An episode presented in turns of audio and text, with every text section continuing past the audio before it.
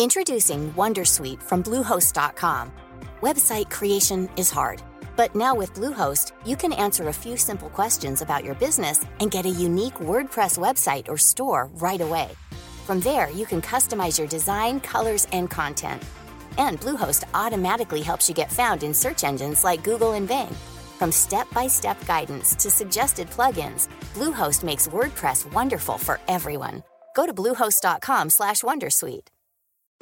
Since 2013, Bombas has donated over 100 million socks, underwear, and t-shirts to those facing homelessness. If we counted those on air, this ad would last over 1,157 days. But if we counted the time it takes to make a donation possible, it would take just a few clicks. Because every time you make a purchase, Bombas donates an item to someone who needs it. Go to bombas.com slash ACAST and use code ACAST for 20% off your first purchase. That's bombas.com slash ACAST, code ACAST. Författarna konstaterar att den genomsnittliga dollarmiljonären har byggt upp sin förmögenhet själv utan hjälp från någon annan. Och de följer verkligen den här formeln för hur mycket pengar man borde ha vid en viss inkomst och en viss ålder. Så det är verkligen möjligt för dig och mig också. Du lyssnar på Rika Tillsammans-podden som handlar om allt som är roligt med privatekonomi. I den här podden får du varje vecka ta del av konkreta tips, råd, verktyg och inspiration för att ta ditt sparande och din privatekonomi till nästa nivå på ett enkelt sätt. Vi som gör den här podden heter Jan och Caroline Bolmesson. Idag är det dags för årets sista avsnitt, avsnitt 30, som handlar om de, det som kännetecknar en miljonär. Och Mm. detta är helt enkelt en recension eller diskussion utifrån boken The Millionaire Next eh, Door, som jag har läst nu de sen- senaste dagarna.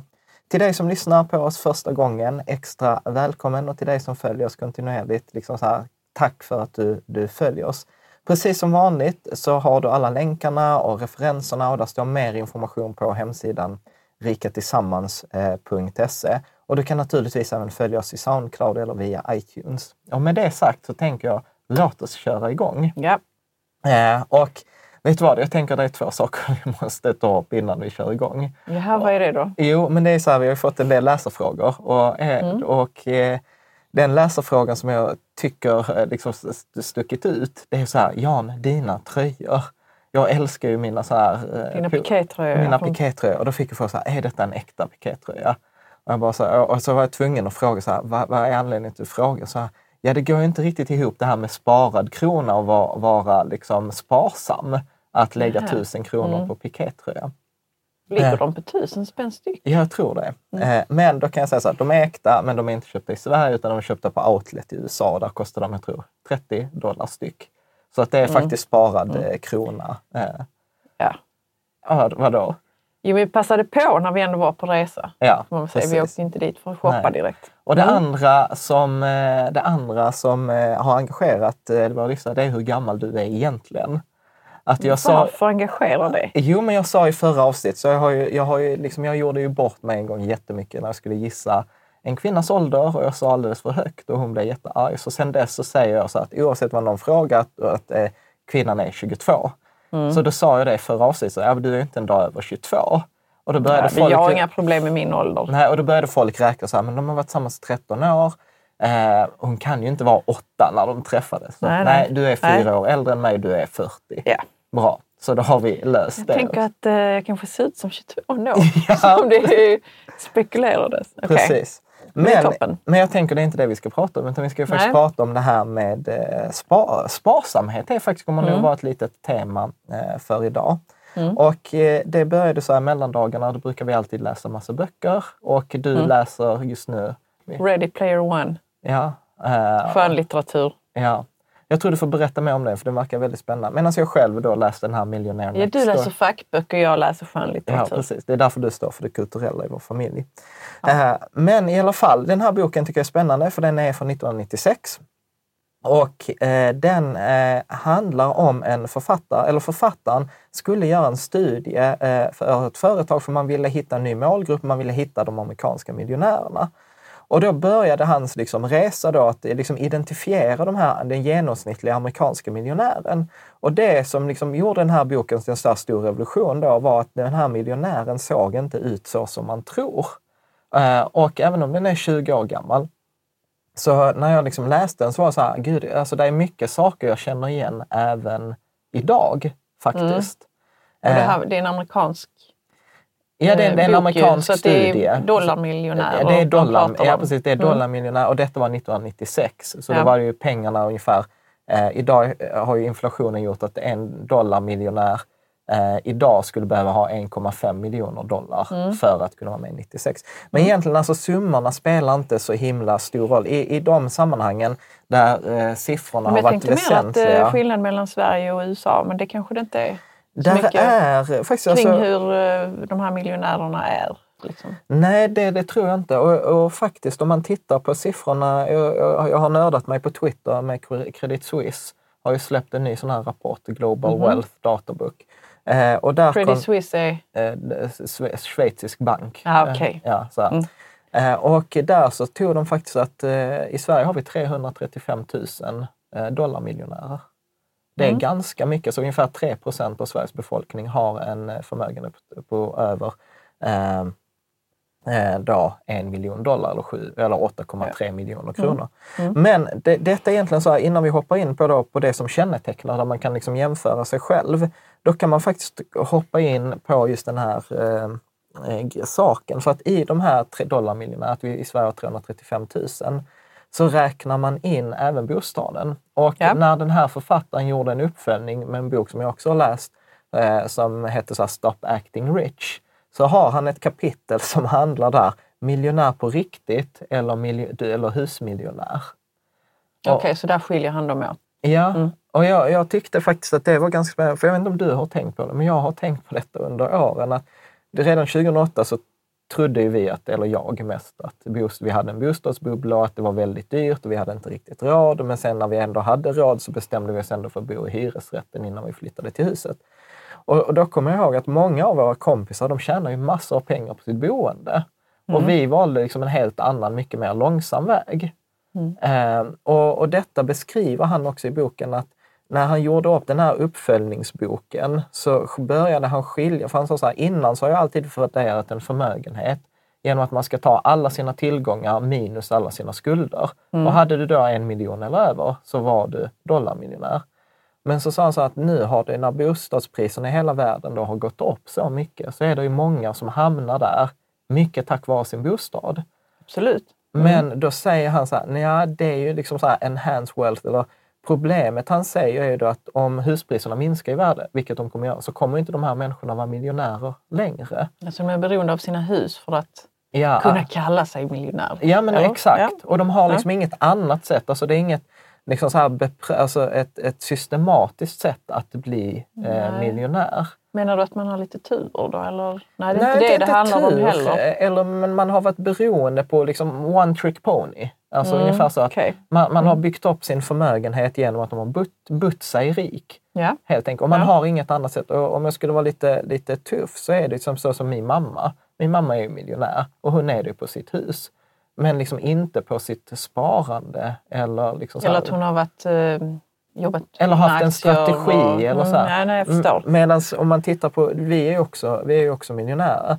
Men vår strategi att bli miljonär har ju varit precis tvärtom. Vilket är att vi är väldigt lite beroende på värdet av vårt hus. Mm. Eftersom våra pengar kommer ju från typ fonder, aktier, företag och massa andra investeringar. Mm. Så det där var faktiskt en sån grej eh, som, jag, som jag funderade väldigt, eh, väldigt mycket på. Men du, Eh, jag vill inte att vi glömmer bort det där med eh, alltså vilken, han tro, hur han trodde att miljonärer, liksom, ska man säga, hur de ser ut och hur de... ja, men, ja, men eh, precis. vad var det du sa i början där? Han, fi, han fick eh, sina fördomar på skam eller vad det var? Ja, men precis. Ja, men det var ju jätteroligt. Han berättade i början av eh, liksom så här, hur han skulle... Hur trodde han att miljonärer Ja, men, var? ja, men han, han pratar ju väldigt mycket om det här konsumtionssamhället som vi Ja. har idag. Att vi har Ja. så här hyperkonsumtion och du vet, det är Kardashians och, och massa så här, du vet, man ska ha privatjet och man ska liksom köpa dyra klockor och, och liksom så visa Ja, ja, det här man ser överdådet. rik ut kanske då? Ja, och beter sig rikt, spendera mycket, liksom så här, köper Mm. alla par skor. Alltså så här, det var någon, så här, någon historia av han här promotorn King, eh, som jag tror han Mike Tyson, vet, han gick in i en affär och så köpte han skor för 350 000. Liksom. Så att han var så här, han berättade att han, för han var ju inte miljonär när han gjorde den här intervjun, eh, de här intervjuerna.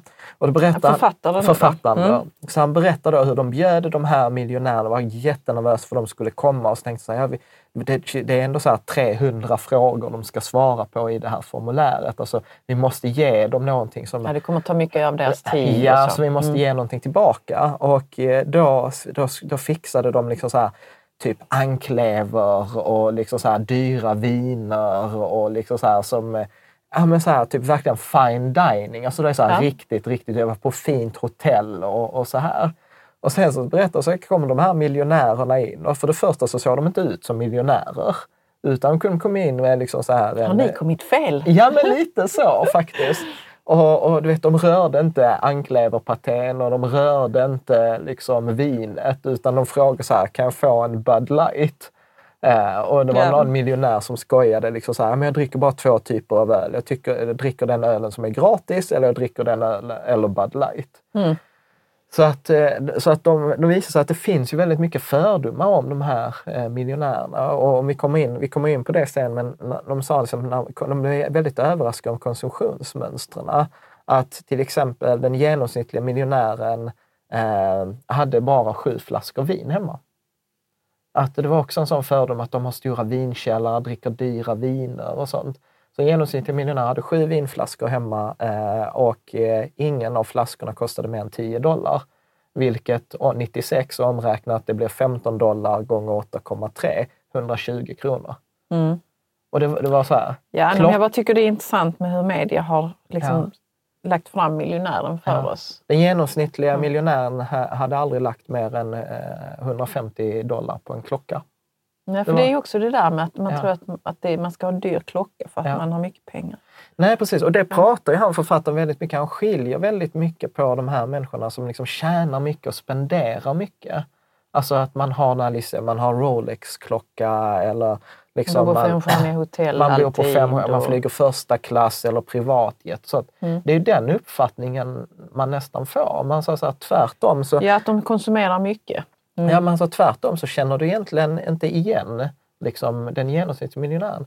Och det går ju väldigt, vi har ju en komp, en nära vän som är, jobbar som finansiell rådgivare här i Sverige. Och hans uppdrag är ju att jobba, han jobbar ju inte med klienter under tre som har ett, eh, som kan investera minst, man måste minst investera tre miljoner hos honom. Annars är man liksom de, inte ens har, de intressant. har väl alltid rätt mycket pengar. Ja, men Alltså, de har, ju mycket, över- de har ju mycket mer pengar som de, liksom för att han ska mycket ta mer dem. än? 10 miljoner i alla fall. Ja. Och han brukar ju säga så att alltså när han kommer, åker hem till dem, och så här, alltså man hade aldrig gissat att de bor i det huset. Nej, Man ser det inte man kan inte uppfart. se det på dem att, Nej. att de har mycket Och pengar. jag tycker detta är jättespännande just med den här bilden av hur man tror att miljonärerna är och hur de faktiskt är. Men jag trodde ändå det, att han pratade om bara om så, att liksom, att det bara gällde svenska miljonärer. Att vi är lite mer blygsamma och man ska inte strössla pengar omkring sig för då kommer mm. avundsjukan och så. Ja. Men du menar att de amerikanska samma miljonärerna, sak. Ja, där more is more, ja så är är det precis bättre, samma så är det sak. ändå samma sak. Där Mm. är ju naturligtvis de här outliers, alltså så här idrottare, alltså så här super, de här superstjärnorna, Kardashians och ja, sånt. visst. men, men grejen är liksom mycket av den konsumtion de gör, den betalar de inte ens för själva. Nej. Utan den blir ju sponsrad. Nej, jag vet inte ifall vi, ifall vi ska kategorisera Nej, vi, dem. vi, som, behöver, vi behöver inte ens hoppa in där.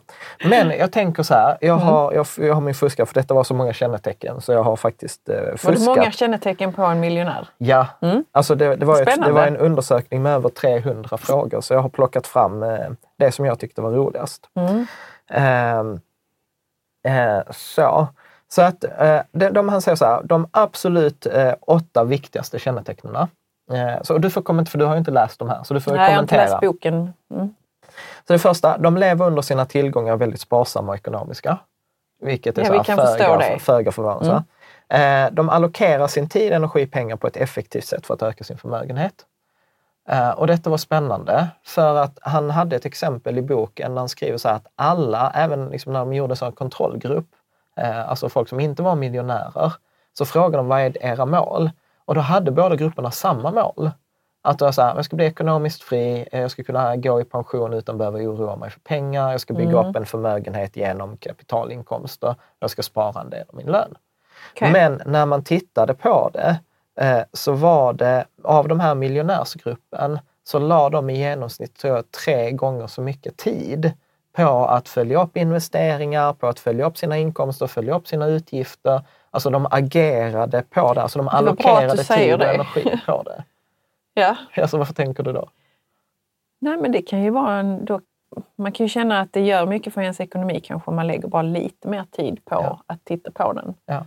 Och kanske budgetera. Alltså, eller titta kom- på utgifterna bara. Liksom. Ja. Alltså jag kommer ihåg Charlie brukar ju säga på, på, i balansekonomi, så brukar han säga att vi, de flesta av oss lägger mer tid på tandborstning än vad vi lägger på ekonomi. Och jag tror att det är, liksom så här, det får en att tänka, det, ja. tänka Mm. efter. Eh, de tycker att ekonomiskt oberoende är viktigare än hög social status. Mm. Så det att- kan vi också fatta nu när vi har förstått att de ser ut som helt vanliga människor. Ja, men precis. Ja. Eh, och jag kommer komma in och prata om deras boende och deras bil. Alltså boken lägger sjukt mycket tid på bil.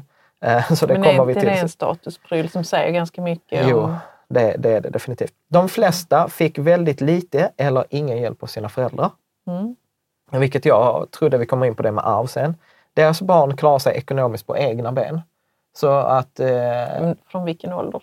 nej men från att de flyttar vuxen- ut. Ja, ja, han har också så ett helt kapitel som handlar om så här economic out eh, home care. Alltså att de flesta liksom så daltar med sina barn och liksom skänker dem pengar eh, varje år. Ja, försöker hjälpa sina Försö- barn. ja. Helt vanliga människor som Ja. försöker hjälpa sina barn Ja. ekonomiskt. okej. Ja. Mm, jag men inte de Nej, miljonärerna. nej, Nej. utan deras barn, de klarar sig själva. Mm. Eh, de är duktiga på att utnyttja möjligheter när de kommer och eh, de, eh, de säger att det, det som har störst påverkan för, på deras förmögenhet är deras boende. Så det kommer vi eh, till. Eh, tittar man demografiskt eh, så har eh, 80 procent av dem byggt upp sin förmögenhet själva under en generation. Mm. Så att eh, de flesta miljonärer är alltså, de har, de har, De har börjat, sparat de har, sig till och börjat. investerat sig Ja, till. Mm. de har, eh, tittar vi på arv, eh, och det hade jag lite längre eh, ner någonstans. Men då var det så här att de flesta, här, 90, eh, de flesta har inte fått, eh, här var det, hälften har aldrig fått något arv, färre än 20 procent ärvde mer än 10 procent av sin förmögenhet. Mm. Så att eh, det var ganska Det spännande. är Och också 90 ganska schysst, för jag tror det är många som inte sitter på ett arv där ute som, som ändå kan känna att det finns en chans att Ja. bli miljonär. 91 procent hade aldrig fått någon andel i ett generationsövergripande familjebolag. Mm. Så att de flesta har verkligen gjort det själva. Och de flesta säger också så att de förväntar sig inget arv, de förväntar sig ingen hjälp. De flesta hade aldrig fått en gåva över eh, 15 000 dollar. Liksom. Ehm, Gud, vad är det för gåvor som... Nej, men det var ganska, Ja. han, tog många i den här kontrollgruppen, alltså i så här höginkomsttagarfamiljer. Alltså sådana, då tog han att det finns i USA så liksom ingenjörer, läkare och advokater som tjänar kanske en mil, eh, liksom 2, 4, 500 000 dollar eh, om året. Ja. Då är det supervanligt att de hjälper sina barn med så här 20 000 dollar om året. Så att, Ja, liksom, så kan att barnen kan för gå eh, universitetsstudier och universitetsstudier eller vara med i golfklubb eller mycket så här countryclub pratar de om. Eh, Så det var liksom lite, kanske inte så relevant här i Sverige. Eh, Den genomsnittliga miljonären är 57 år gammal, är man, är gift, har tre barn Mm. och eh, 70 procent tjänar mer än 80 procent av hushållens inkomster. Mm. Eh, och han fick ju jättemycket kritik om det, så han har gjort en bok annars som heter så här, eh, The Millionaire Women, Woman Next Door. Mm. Så att eh, det kommer kanske ett annat avsnitt. Men de flesta hade, eh, liksom, de flesta jobbade men mannen drog in liksom så här, mycket, eller så en jättestor majoritet av pengarna. Och nu kommer vi till den som jag tyckte var egentligen så mest intressant. Eh, Okej. Och det är att eh, de flesta har en, de, de flesta säger så här att de flesta har en fru som är mer sparsam än de själva. Okej. Eh, och att han hade, liksom, det var flera som hade skrivit så här, jag kan inte få min fru att spendera några pengar.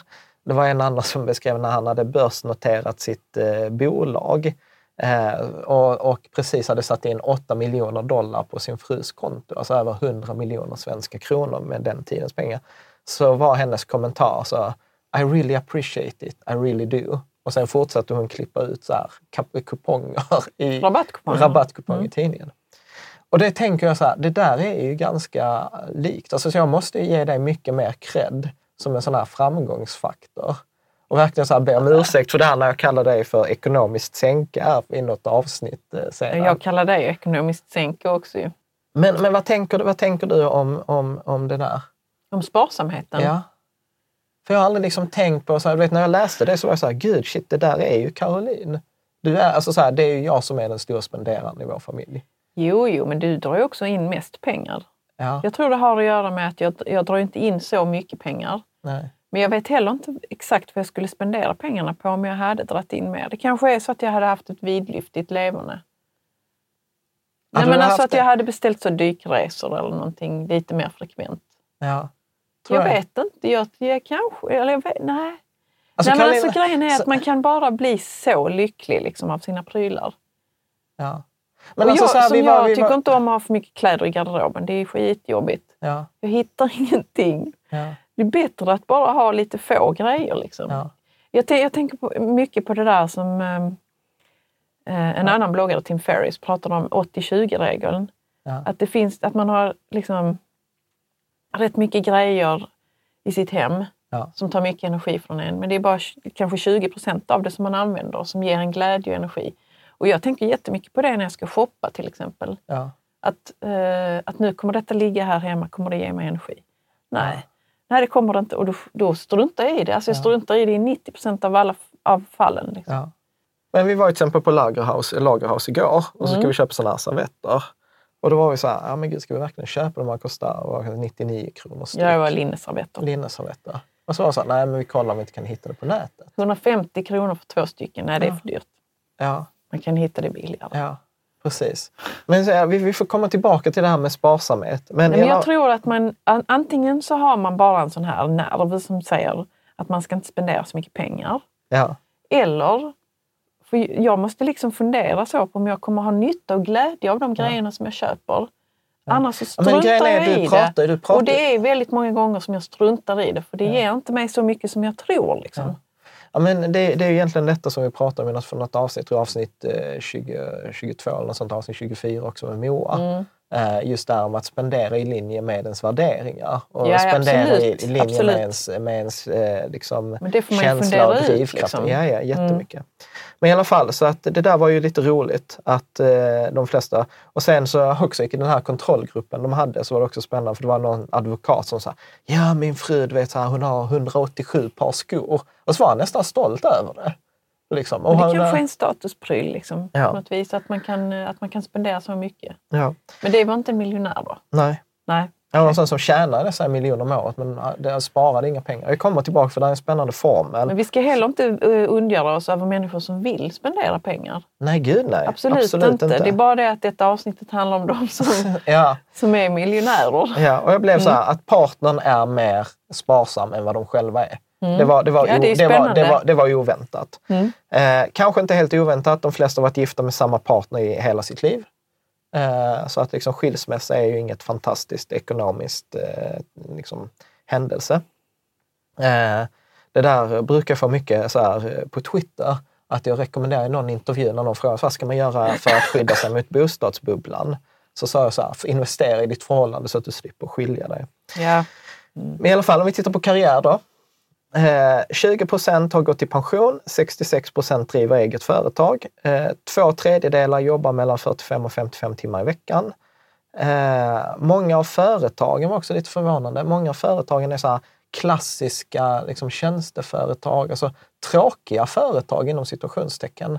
Alltså hantverkare, eh, tandläkare, advokat, rådgivare, redovisningsbyrå, eh, liksom, eh, elfirma, låsfirma. Alltså inga, inga sådana här typ high-tech, Inga sexiga eh, såna- inga, inga high-tech unicorns eller liksom Startups Nej, utan så här klassiska liksom, Nej. svetsare. Eh, liksom. Mm. Också så här mycket historier vet, när de kommer och skulle intervjua någon. Kommer in på liksom, företaget och så vet de inte vem det är de ska intervjua. Liksom, för att Nej. alla ser likadana ut. Eh, bra, bra, bra. Eh, 80 procent har en universitetsutbildning. Eh, 20 procent har en masterexamen. 6 procent har en doktorsexamen.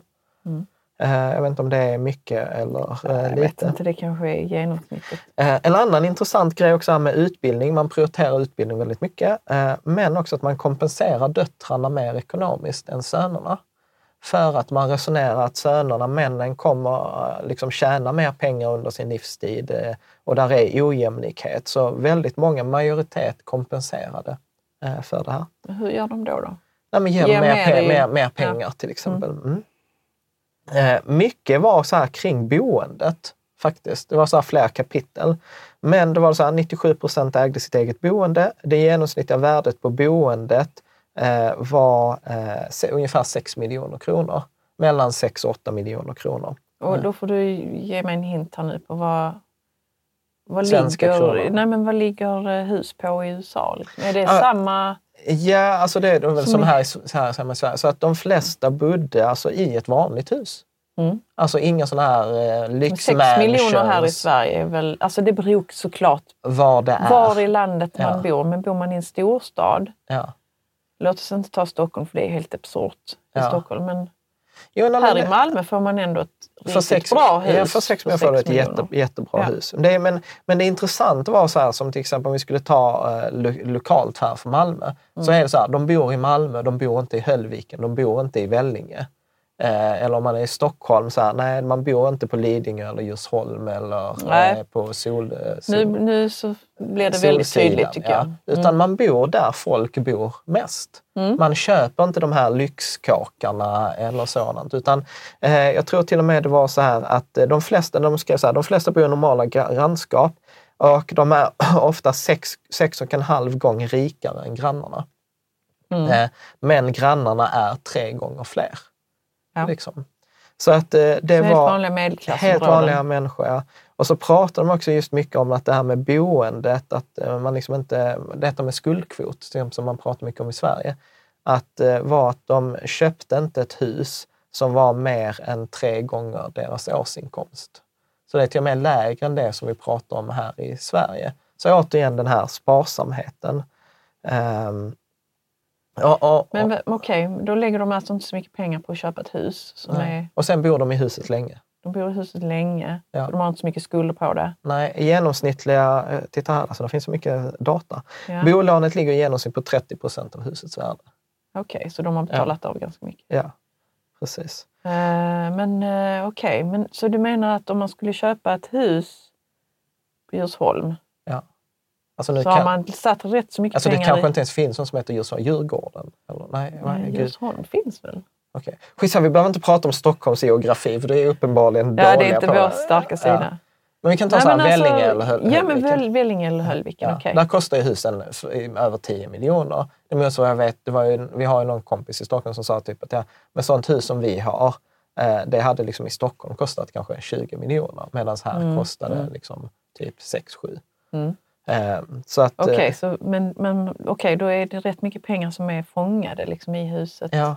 Och vad Men- gör de istället? Tittar vi på eh, deras inkomster eh, så är det så att medianen eh, ligger, alltså medianen den som är i mitten. Alltså för att det är alltid så här, när det gäller pengar så måste man alltid skilja på genomsnitt och median. För eftersom det är några som är superrika så når de alltid upp genomsnittet. Så medianen är ju det mittersta värdet. Så om vi har 100 miljonärer och rangordnar dem så tittar vi på den 50 Ja. så den i mitten eh, hade inkomstmässigt eh, en eh, inkomst på 1,6 miljoner innan skatt.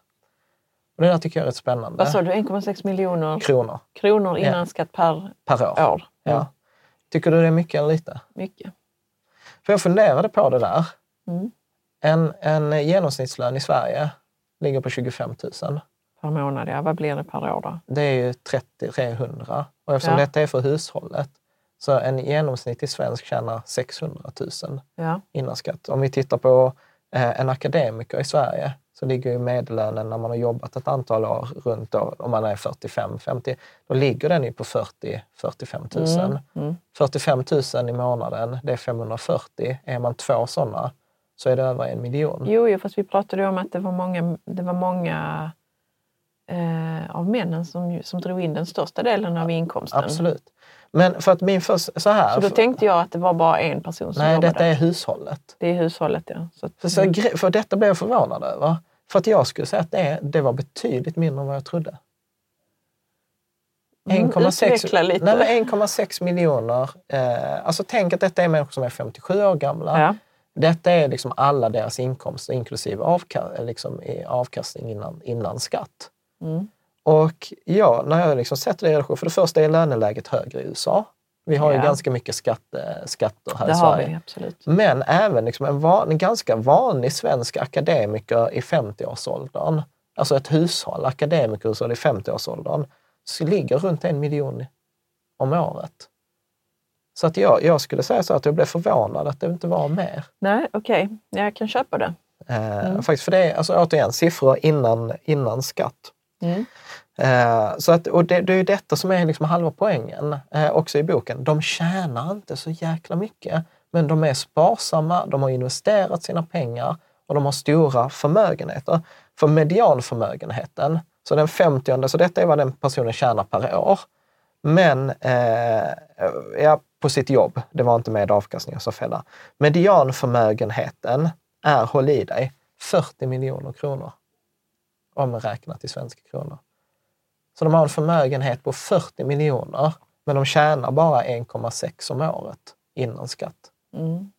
Fanns det liksom lite mer information där med hur, när börjar de att spara ihop Ja, så de och flesta investera? ja, alltså, hur de, länge har de hållit på? Ja, de har hållit på ofta hela sitt liv. Ja. Och då, vi kan säga 25 år kanske. Ja, 25-30 år har Ja. de ju hållit på. Mm. Ja. Och räknar man på det så är det inte omöjligt. Nej. Alltså, jag räknar ju så här innan här lite ränta på ränta. Men om vi tittar, så den genomsnittliga sparkvoten, det vill säga hur mycket av dina, sina inkomster de sparar, då sparar de 20 procent eh, av sina inkomster. Det är inte så mycket väl? Ändå. Ja, Eller, jo, men det, alltså, är, det, är 20 det beror på hur mycket Alltså, vi man har- jag har Naturligtvis, jag, jag ska inte säga att det inte är mycket. Nej, Jag har ju Men- träffat, kan jag säga, när jag föreläste runt om i Sverige om balansekonomi, så var det många som hade problem att komma upp i 10 procent. Mm. Så att eh, Jag 20 bara trodde att just den här gruppen skulle lägga undan mer. Ja, men tänk att de lägger undan 20 procent alltid. Mm. Så det betyder att de bygger på sin förmögenhet Ja. hela tiden. Mm. Bara 6 procent av miljonärerna hade en förmögenhet över 100 miljoner. Det blir också lite förvånad, för man tror att de är skitmånga, men det var det, det, var det inte. Nej. Inkomsten är mindre än 7 procent av förmögenheten per år. Och det var ju lite det vi pratade om innan. Eh, de le- och vilket betyder att de lever på mindre än 7 procent av sin förmögenhet varje år. Så att de har, och det är detta, livsstilen är ganska sparsam. Och, Men, sa, sa de någonting om hur, hur de gör för att ha kul? Liksom? nej, Jag, jag kan inte tänka mig att de lägger jättemycket på resor, i alla fall i början, på sitt sparande i alla fall.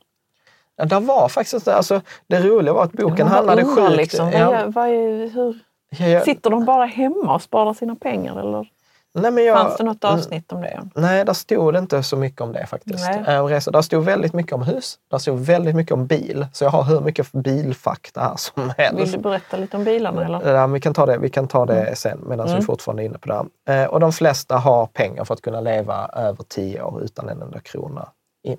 Mm. Ehm, om vi ska ta bilarna eh, så är det så att de flesta har inte, nej 25 procent har inte köpt en bil de senaste fyra eller mer åren.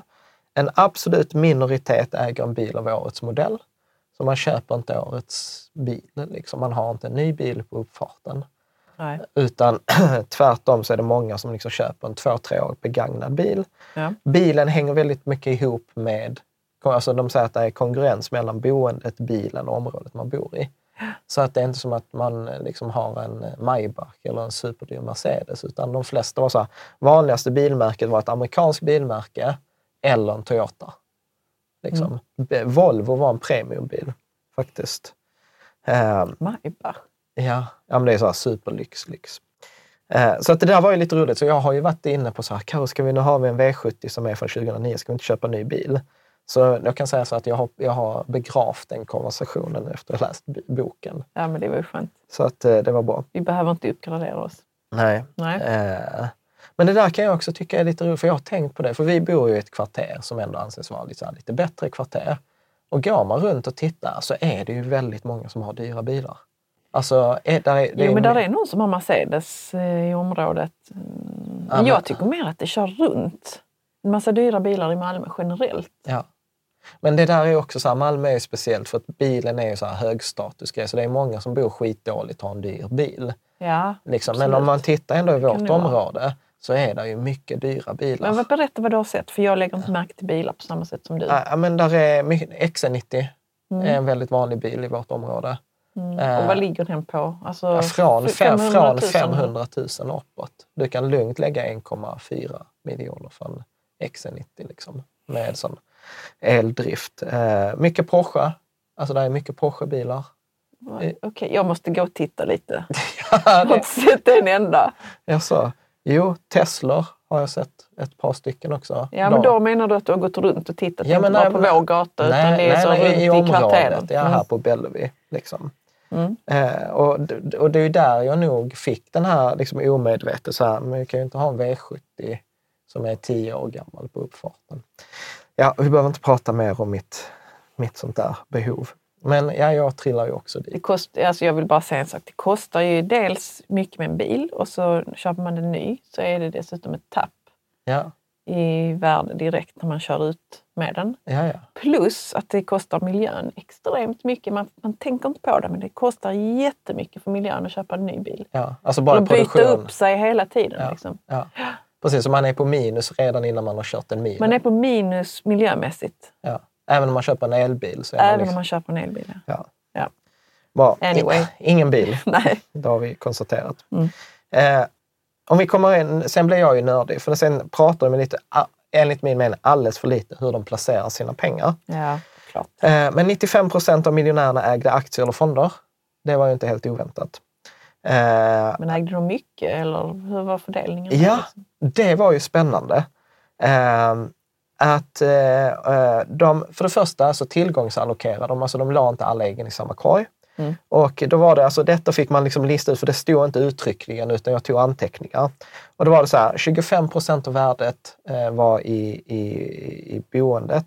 Men jag får liksom inte ihop det, för de hade 40 miljoner i tillgångar. Eh, men, men sen så var huset i genomsnitt 6 till 8 miljoner. Så, att, ja. Ja. så boendet Nej. var i alla fall eh, liksom eh, 10, kanske 10 eller 5, ja mellan 10 och 20 procent. Ja men det kanske går i linjen. Mm. 10 till 20 procent på boendet. Sen var det mellan 25 och 50 procent i det egna bolaget, så man hade Mm. absolut mest pengar där. 25 procent i aktier och fonder, 25 procent i bankkonto, ränte och obligationsfonder. Så ingen, det var stora uttryckligen, ingen hade majoriteten av sin förmögenhet i aktier eller fonder. Nej. Och eh, de motiverade det väldigt mycket med att de inte kan kontrollera aktiemarknaden. Att många av dem ville ha kontroll och man var så här, aktiemarknaden kan jag inte kontrollera. Och då kommer vi in på detta som jag tycker är kul, som jag kommer göra mig så här, ovän med Twitter. Eh, men det var så här, eh, bara 9 procent av miljonärerna ägde en aktie mindre än ett år. Okej, så de hade det längre Så 90 tid. procent, 91 procent av alla miljonärerna ägde aktier längre än ett år. Så det är inget sånt här Tycker du aktie... det är långsiktigt då? Ja, ja, gud ja. 42 procent miljonärer hade inte gjort någon transaktion de senaste 12 månaderna överhuvudtaget. Nej. Eh, och eh, eh, ja, men det var det. Men de resonerar väl lite som ända som Buffett sa, att man, man investerar i det man tror på. Ja. Och sen lägger sen man det i byrålådorna vara och liksom- sen glömmer man Ja. det. Ja, Mm. precis. Så det tyckte jag var lite, lite spännande faktiskt. Att, Mm. eh, och det var många som, alltså att de alla hade rådgivare, men de fattade sina investeringsbeslut själva. Eh, faktiskt. Eh, Mm. Och det var en som hade rätt rolig hur han valde rådgivare. För då var han så här att när de ringde så bad han dem visa sitt skattebesked. Eh, Sitt de- eget skattebesked? Ja? Mm. Ja, och se om de levde som de lärde. Och det var han sa så här, typ av eh, 99,9 procent av alla rådgivare levde ju inte som de själva lärde. Jag har ju inte mycket till övers för rådgivare generellt, men där finns några undantag som är riktigt, riktigt duktiga. Mm. Jag tänker att vi ska ta eh, en sista grej, för detta tyckte jag var riktigt roligt. För jag är ju liksom så här nörd på att jämföra mig. Mm. Eh, och då var det så här att de här författarna hade eh, räknat ut, när de har gjort den här studien, så hade de gjort en formel för att räkna, räkna ut hur rik man borde vara vid en Ja, specifik ja, ålder. ja. För de sa att det som de hade klur, det som var klurigt för dem var ju så att de ville jämföra den här personen som kanske hade en miljon US-dollar eh, eh, och om den var förmögen i förhållande till exempel en idrottsstjärna Men då kunde det vara att idrottsstjärnan tjänar ju 5 miljoner dollar om året. Mm. Då borde ju den idrottsstjärnan ha mer pengar än den andra som bara har en miljon dollar för att de tjänar 100 000 om året. Absolut. Eh, och då gjorde de en formel och denna tyckte jag eh, var jätterolig. För då säger de så här att man, vad man gör då det är att man räknar ut en, en summa som man, man borde ha. Och då räknar man ut den genom att multiplicera sin ålder med den årsinkomsten man har.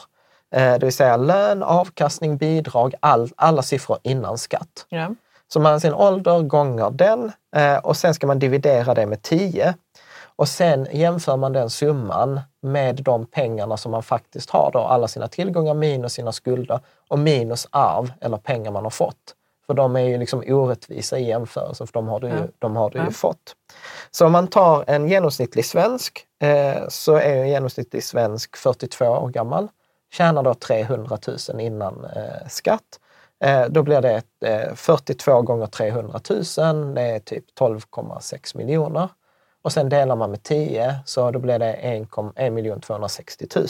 Ja. Så en genomsnittlig svensk, när man är 42 år gammal, eh, liksom i Sverige, har liksom ett genomsnittligt jobb där man tjänar 25 000 i månaden, så ska man ha 1,2 miljoner.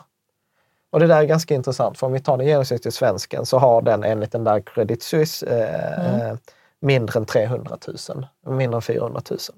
Så de flesta svenskar definieras enligt vad författarna då kallar för under accumulator of wealth. Ja, Okej.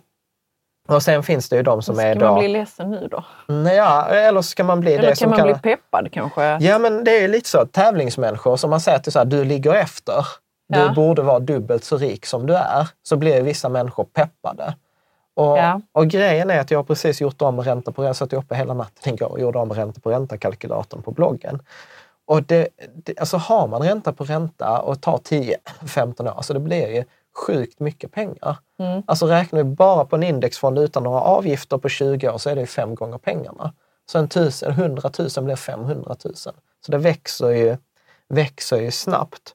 Jo, du menar att, eh, att man ska inte vara ledsen, man kan känna sig peppad? Ja, och man kan gå in möjligt. och kolla faktiskt Ja, hur mycket man behöver lägga undan och till vilken ränta. ja, Hur lång tid det tar. Liksom. ja, innan man är i kapp. Mm. Och sen så hade de då de som överpresterar, som de kallar så prodigious, jag vet inte ens vad det betyder, men jag gissar att det betyder Prodigy är väl ett underbarn? Ja, men det är inte det. Det är inte Prodigy- riktigt så? Nej, okej. Prodigious Accumulators of Wealth, eller PAS. Han Mm. kallar dem U, UAV och PAW. Mhm. Eh, om man är underackumulerad eller om man ligger före. Och då är man liksom så här, om man ligger dubbelt så mycket eh, i, i, i förhållande till sin ålder så är man väldigt bra på det. Ligger man på ligger man efter så är det liksom dags att skärpa sig. Så jag säger det igen. Alltså din, multiplicera åldern med din årsinkomst innan skatt inklusive då alla bidrag, eh, lön, avkastning, utdelning, rubbet och, och dividera det med 10 och sen jämför det med det kapitalet som du har idag som är alla dina tillgångar minus alla dina skulder minus eh, eventuellt arv. Mm. Eh, och eh, vi räknade ju på, på det där själva. Så vi ligger ju faktiskt eh, ganska ordentligt på P, den här PAW-sidan. Så det var, ju, det var ju ganska roligt. Eh, även om jag hade så lite ångest innan jag räknade. Hade du ångest? Ja, men jag var så här, gud, nej, men, Tänk om har för lite? ja, Och då hade du bara känt att- dig peppad? Ja, men jag är utmanad. Jag är så här, kan jag inte köpa det så, så blir jag utmanad i att... Jag hade också känt mig peppad. Ja. Absolut. Eh, Så att det där tyckte jag var liksom spännande. Och skulle man sammanfatta det Mm. så, så säger liksom så här författaren att det som är liksom så speciellt med dem det är att, att de här genomsnittliga miljonärerna är att de spelar både, de kallar det så här, att de spelar fantastiskt anfall, liksom att de tjänar mycket pengar. Men han sa det som de blev lite förvånade var att de spelar fantastiskt bra försvar också. Mm. Det vill säga att de spenderar inte så himla mycket och att det är väldigt mycket det här, behöver jag detta? Att innan de köper saker så funderar de så här, är detta något som vi genuint behöver? Eller köper vi detta för att, liksom så att man, har någon, man ska bevisa so social status eller det är någon annan drivkraft? möjligt dämpa känslor. Och, mm. Ja, nej, men precis som med bilen. Mm. Så här, behöver vi en ny bil? Nej, vi behöver inte en ny bil. Utan det var Nej, något vad är det annat. för annat som är ute och... Gå med mig. Mm. Ja, till exempel att man inte kan ha en sån bil på uppfarten. ja. Men typ, jag är också eh, mänsklig. Eh, Och eh, så sa de så här att ofta är det dessutom uppdelat i familjen att, att man spelar olika roller. Mannen spelar ofta anfall och kvinnan spelar ofta försvar. Och att båda är lika viktiga. Och de, en av framgångsfaktorerna också som jag tänker att vi tar upp på andra sidan årsskiftet är ju att de gör eh, budget. De gör faktiskt följer upp budget. Och det där tycker jag är himla roligt. Eh, för att vi, det har ju vi också gjort sedan 2006. Alltså jag, vi har ju antecknat varenda utgift sedan 2000. Alltså är mer Ja, än du är ju 10. bättre på det än jag är. Ja. Eh, och och då, då var det liksom så att de sa att detta var roligt för det var typ ingen i kontrollgruppen som gjorde detta. Eh, och eh, så sa de liksom så att det var en väldigt vanlig fråga. Men, liksom så här, men de som är så rika, de behöver väl inte göra budget? Alltså de behöver väl inte tänka på vad de spenderar? Precis som att man, behöver, att man kan vara careless. Liksom, eller så här, Ja. lite så här. Och då använde, precis, och då använde de en Ja. jättebra, de använde en jättebra metafor i boken. Mm. Där de sa så här, ja men det är ungefär som människor som är ute och springer. De är smala för att de är ute och springer. Mm. De är rika för att de har koll på sina utgifter. Ja, de det är har exakt koll samma på, sak. Ja. Det är precis samma, eh, samma sak. Mm. Så att jag tycker att detta var liksom så här superspännande. Jag kände mig liksom så här pepp eh, efter att jag läst den. Jag blev him- himla glad att liksom så här, jag tror vi kan kryssa av det mesta på den där listan. Mm. Det jag konstaterar så här, vi har väl köpt lite för dyrt hus i Ja, förhållande vi. till vart Men- vi var. Men, Mm. men det har ju sina, sina anledningar. Vad tar du med dig? Vad stack ut för dig mest? Det som stack ut för mig var ju att, eh, att de har bra koll på sina utgifter och sin ekonomi. Och jag, du är ju duktig på det, men jag är lite, alltså jag blir så uttråkad av att liksom titta på mitt bankkonto och, och kategorisera vad jag, har, vad jag har spenderat pengar på. Eh, Men, eh, men det stack ut för mig, att de, att de har koll på Men jag, och ja. att de gör budget. Ja, ja men kul. Ehm, och, och där tänker jag så här, detta är ju sista avsnittet för 2017, så Mm. jag tänker att vi får passa på att önska ett gott nytt år. Eh, och sen så tänker jag att eh, vi tar väl det, ett av de första avsnitten på andra sidan, med det här med kanske budget och uppföljning. Eh, Ja, Faktiskt, precis. Ja. för Kanske att- summering och uppföljning och sen så Ja, hur man kan- kan blicka framåt. Liksom. Vad, Ja. man kan, ja, vad man kan sätta för mål och så kanske. Ja, kan precis. vara kul. Ja, men precis. Vi är i det jobbet också, vi ska ju göra det nu precis efter årsskiftet. Ja, och vet du vad? Nej. Ja, I början av, av det där med att sätta mål och sånt för kommande år tyckte jag inte det var så himla kul. Ja. För att jag var så otränad i det där och tänkte att mål, ja, det är till för att misslyckas med. Typ. ja, Ja, för att jag satte alltid för höga mål. ja, Men nu fattar jag att, att det är ganska kul att man kan också önska sig Ja. saker för det nya året. ja. Kanske Alltså där, händelser eller hur man ska må eller någonting Kanske den där annat. dyksemestern. Ja, kanske dyksemester. Ja, precis. Nej, men jag, jag tror det. Och sen så tror jag faktiskt som eh, i avsnitt 29 med, med Moa, Mm. där, därför där pratar hon också så här nu när man sätter mål inför 2018, Mm. att, eh, att sätta de ekonomiska målen. Och då, för de flesta tror jag som lyssnar på det här, så har man ändå tänkt så att man tycker att det är viktigt att spara, man tycker det är intressant med privatekonomi, annars lyssnar man inte på oss i 40 Nej, jag minuter. tror inte det heller. Men då sa hon så här, ett av hennes bästa nyårstips var att sätta en, eh, ett, en, en emotionell aspekt eh, på, Mm, på vadå? målet. Alltså, berätta Men- lite mer, för jag minns inte. Jag har ju lyssnat på avsnittet såklart, Ja. men jag minns inte exakt. Nej, men hon, sa, hon sa så här, hur vill du känna? Alltså så här, hur vill du känna under året och vad Ja. behöver du göra för att känna på det sättet? Mm. Att det är ändå liksom någonstans det är känslorna som driver. Så vi vill ju ha den här lyckan. eh, Så att för pengarna i sig, eh, som vi pratade om i ett annat avsnitt, avsnitt 24, där att pengarna är ju bara en förstärkare. Mm. Så mår jag dåligt för mycket pengar så kommer jag må extra dåligt. Eh, Inte och- lönt att önska sig mer pengar. nej, utan det är inte det som kommer fixa biffen. Liksom. Du menar att man ska, att man ska fundera över hur man vill må Ja. och vad man behöver göra för att må så bra Ja. som man vill. Ja. Och sen även sätta finansiella mål. Ja, ja, men Och först då sätter man kommer dem... man att förstärka det. Ja, men, så att, men, att de, men att de ska gå ihop. Att de ska gå ihop. De, de ska gå ihop. Alltså att ha Mm. den aspekten helt enkelt. Mm. Så vad, vad vill jag känna nästa år och vad, vad, vad kan jag göra i min ekonomiska plan för att, för att hjälpa det? Mm. Tänker jag. Superbra. Så med det Eh, tack för att eh, du har eh, lyssnat på oss. Gå gärna in på, på bloggen eh, på riketsammans.se. Där har jag listat alla de här punkterna jag har skrivit om den här formeln. Så kan du räkna själv, se om du ligger före eller om du ligger efter, se om du känner igen dig i, i det här. Och naturligtvis prenumerera gärna på Soundcloud eller Youtube eller på bloggen eller någonstans så att du inte missar när vi kommer ut med nästa avsnitt. Jag kan kort säga också att det kommer i början av januari kommer de här klassiska artiklarna, avsnitten som jag alltid gör. Ombalansering i portföljerna. Kommer att prata om det här skitnyheten av att man inte kommer kunna köpa amerikanska börshandlade fonder. Det kommer förmodligen innebära att vi kommer behöva lägga ner Rika Tillsammans-portföljen. Och den här artikeln med bästa fonderna kommer också komma i, i januari. Eh, förmodligen dock inte förrän i mitten eller i slutet av januari. Så tack än en gång. Gott nytt år!